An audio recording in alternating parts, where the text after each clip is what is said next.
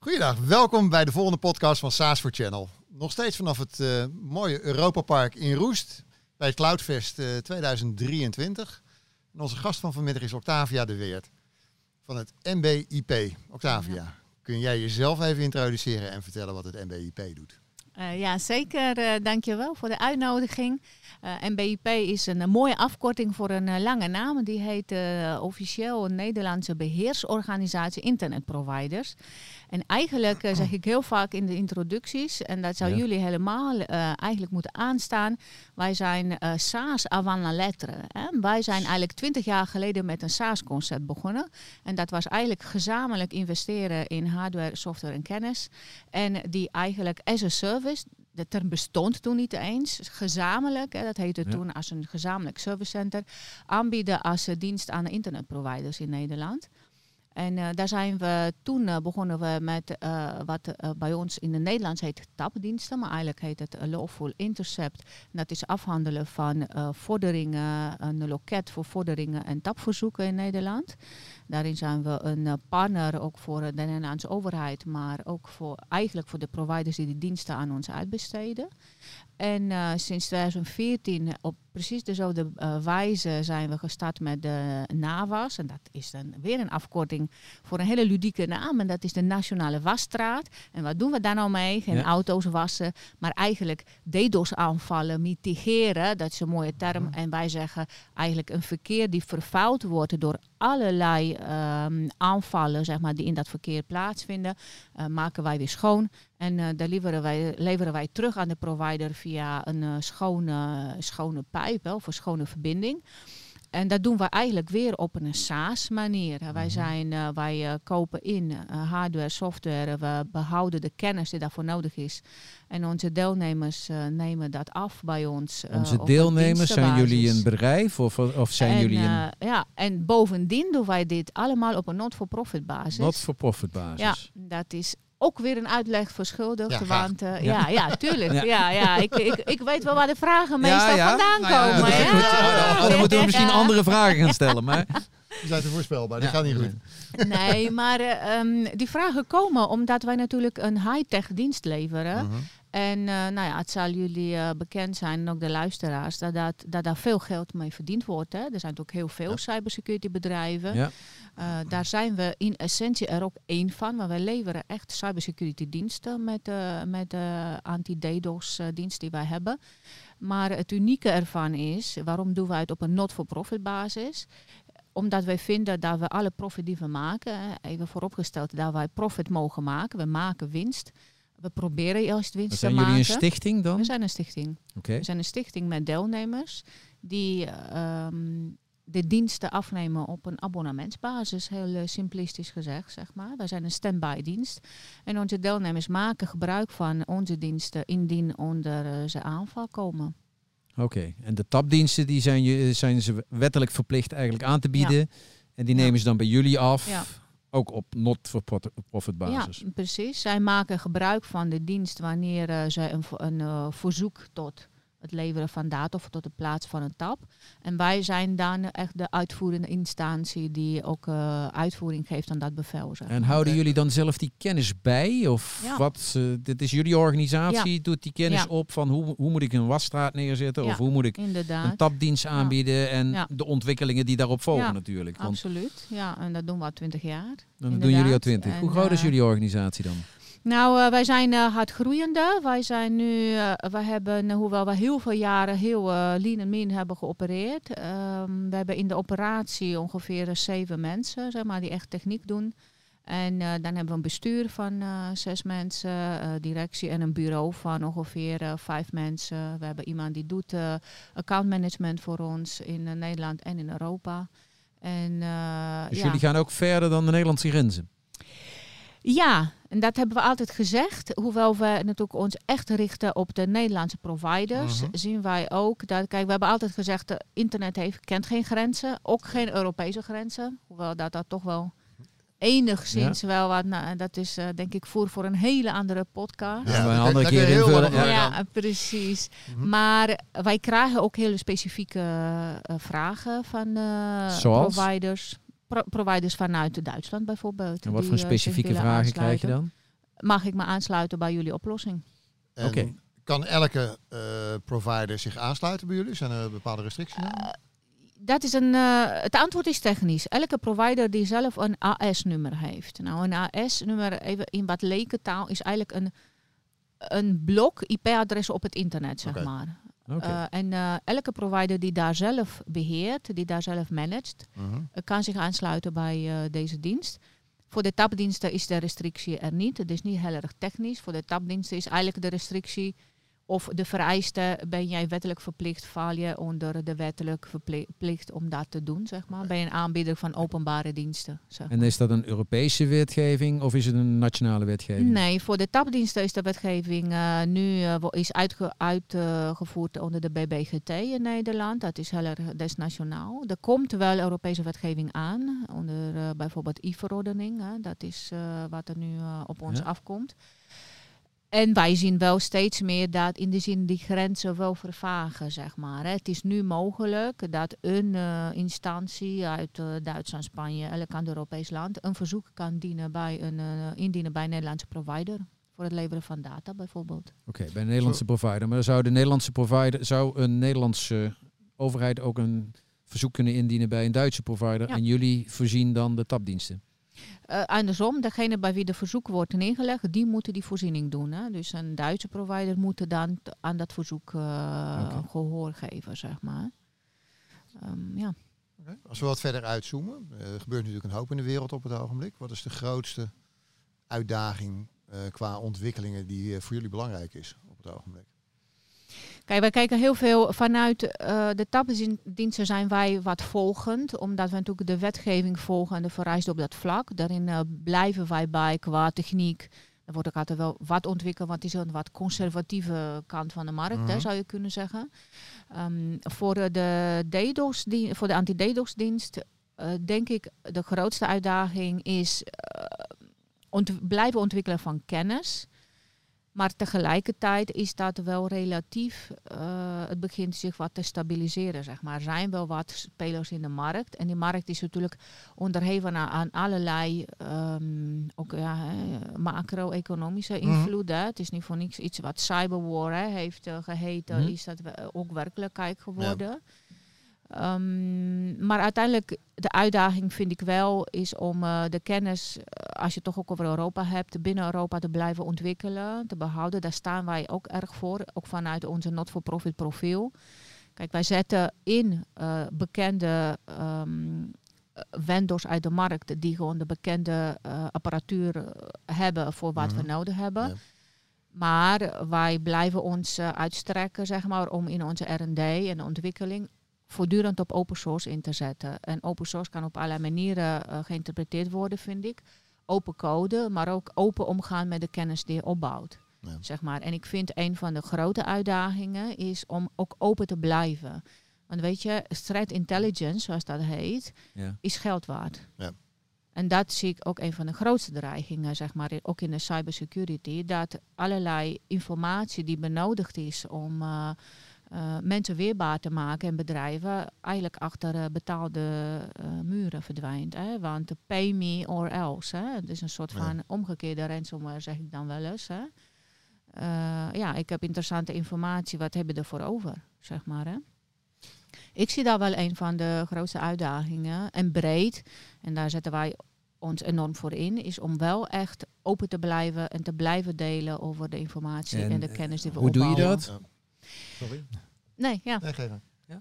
Ik zeg, hoe doe je dat? Want je zegt, daarvoor zetten wij ons in. Wat, is, wat doe je dan Ehm, expliciet? Wij doen bijvoorbeeld eh, heel concreet, wij publiceren ook eh, open rapportage over wat we zien. Ook eh, rondom de DDoS-aanvallen, type aanvallen die we zien. Eh, breder over de informatie die we hebben, werken we actief mee en hebben we ook meegedaan in het ontstaan van eh, twee belangrijke coalities in Nederland. Eentje is de Anti-Abuse Coalitie.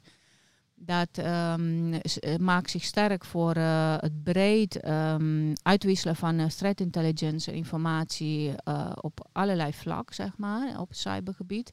En de anti-DDoS-coalitie, die, die richt zich heel specifiek op allerlei maatregelen die je kunt nemen op eh DDoS mitigation gebied. En ehm, daarin ja, dan zijn, hebben we bijvoorbeeld gezamenlijk met die groep, en dat is echt een, een brede coalitie van 17 partijen, uh, hebben we bijvoorbeeld een open source DDoS database fingerprinting ontwikkeld. Nou, dat is in een gezamenlijk, in, met bijvoorbeeld SCDN, SCDN Fonds, SCDN Labs heeft daaraan meegewerkt, universiteiten. En daaruit is bijvoorbeeld een database ontstaan met allerlei kenmerken van DDoS-aanvallen. En die kunnen wij uh, open source uh, gaan uh, beschikbaar stellen. Database, dan hoor ik ja. denk ik aan big data, dan denk ik aan artificial intelligence. Wat zijn de gevolgen van de ontwikkelingen op dit moment op het gebied van artificial intelligence voor jullie business? Ik zie dat als, kijk, ik blijf van de, ethische, van de ethiek weg, hè, want mm daar kun je, ik, ik vind voor een deel dat dat veel over gaat, zeg maar. En dat gaat ook, uh, dat moet ook over gaan, over de ethische. Maar in de hoeveelheid data die wij ook verwerken, daar, uh, dat zie ik als een plus dat we dat kunnen inzetten. Dat is de enige manier waarop, waarop je echt stappen kunt maken. Dan zien we in het verwerken van threat intelligence of bijvoorbeeld DDoS-aanvallen. Wij moeten dat intelligent via um, geautomatiseerde modellen, moeten we dat gewoon gaan bewerken om het uh, te kunnen aanbieden, zeg maar. Omdat er te veel data is. Dat kun je gebeurt niet meer... dat al? Ja, dat gebeurt. Uh, dat gebeurt ook.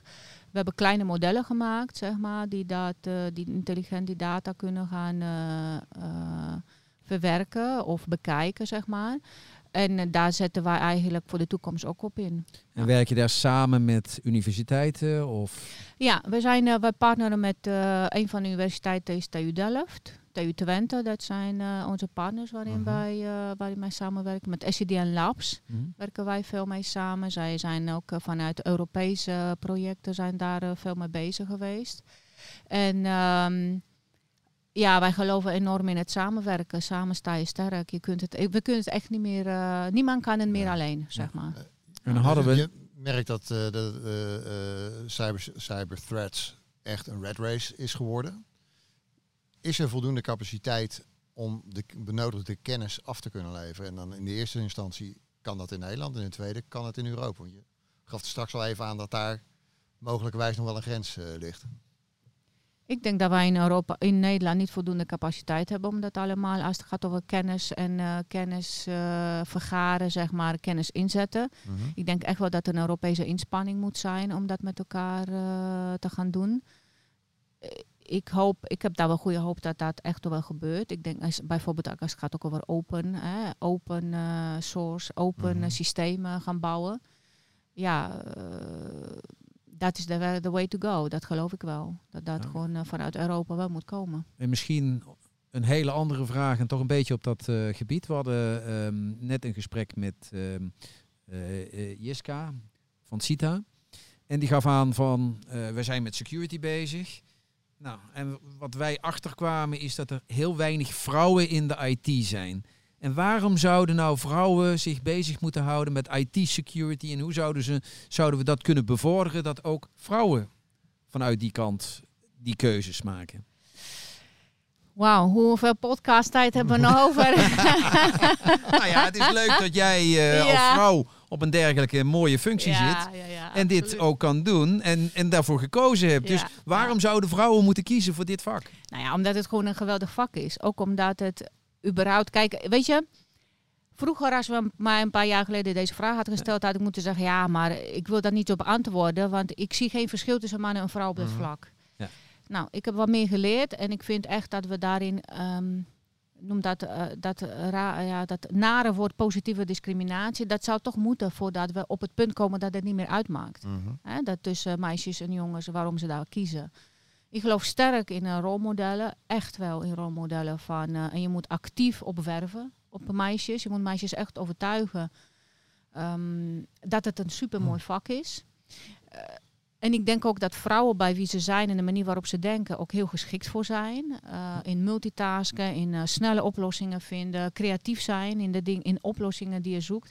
En eigenlijk voortdurend wel bereid zijn om iets te leren om uh, tot de volgende stap te komen. en ehm, ja, nou ja, mijn voorbeeld is, uh, ik, ik, ik heb volgens mij ook tegen jou voorbeeld? nog gezegd, uh, mijn eigen dochter, ja, Ja. Die, uh, die is wel in de IT gestapt en die is net begonnen. En op school vroegen ze waarom heb je dat gekozen. Nou ja, omdat mijn moeder daarin zit. Nou, en zegt ze, by the way, volgens mij kun je nog wel leuk in verdienen. Nou, dat is ook een leuk incentive, toch? Ja, je Ja, moet, dat dat zit is je ook moet alles, je moet alles erbij halen. Ik geloof Ja. echt wel dat we daar, ja, er zit gewoon heel veel resources die we laten liggen. Even filosofischer en nog wel even bij de kern. Het begint echt wel zo vroeg mogelijk. Weet je, het zit ook in je familie, het zit in je gezin, het zit bij de lagere school. Ach ja, ze kan niet goed rekenen, laat dat meisje maar.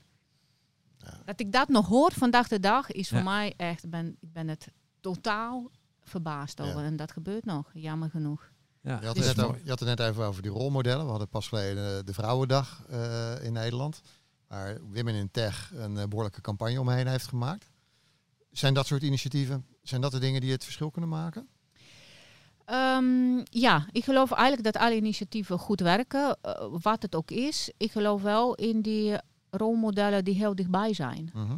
Echt heel, eh, ga maar op, de, op die lagere scholen. Ga zo snel mogelijk, zo dichtbij mogelijk. Want het moet een um, rolmodel zijn waarvan meisjes denken, oh, dat kan ik ook wel. Niet, niet direct heel hoog zoeken. Ja. Het zijn mooi, hè, die rolmodellen van die hele hoge functie. Ja. Maar begin nou even bij heel dichtbij. Jij kan dit ook. Hè?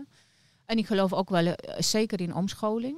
Zoek de vrouwen gewoon waar ze, ge- geef ze een kans om, Ja. om wat anders te gaan doen. Dat, dat moet ook een weg zijn om, eh, ik geloof eigenlijk dat bijna iedereen eh, die ehm, ergens een vak heeft geleerd, ook gewoon in de, uiteindelijk in de IT kan, eh, kan functioneren. Op, Als je bij heel veel van onze welke in de achtergrond kijkt, dan zijn er heel veel die uit een andere hoek komen. Wat had jij ook weer gedaan, eh, Leo? Zij de vliegtuigbouwer. ja, ja, ja, ja, ja, ja, ja, ja, ja, ja, ja, ja. Dat geloof ik best. Ja. Hey, we zijn aan het einde, langzamerhand aan het einde gekomen van deze podcast. We vragen nog altijd elke ondernemer een tip voor bijvoorbeeld de ondernemers die op dit moment op dit eh, Cloudfest aanwezig zijn.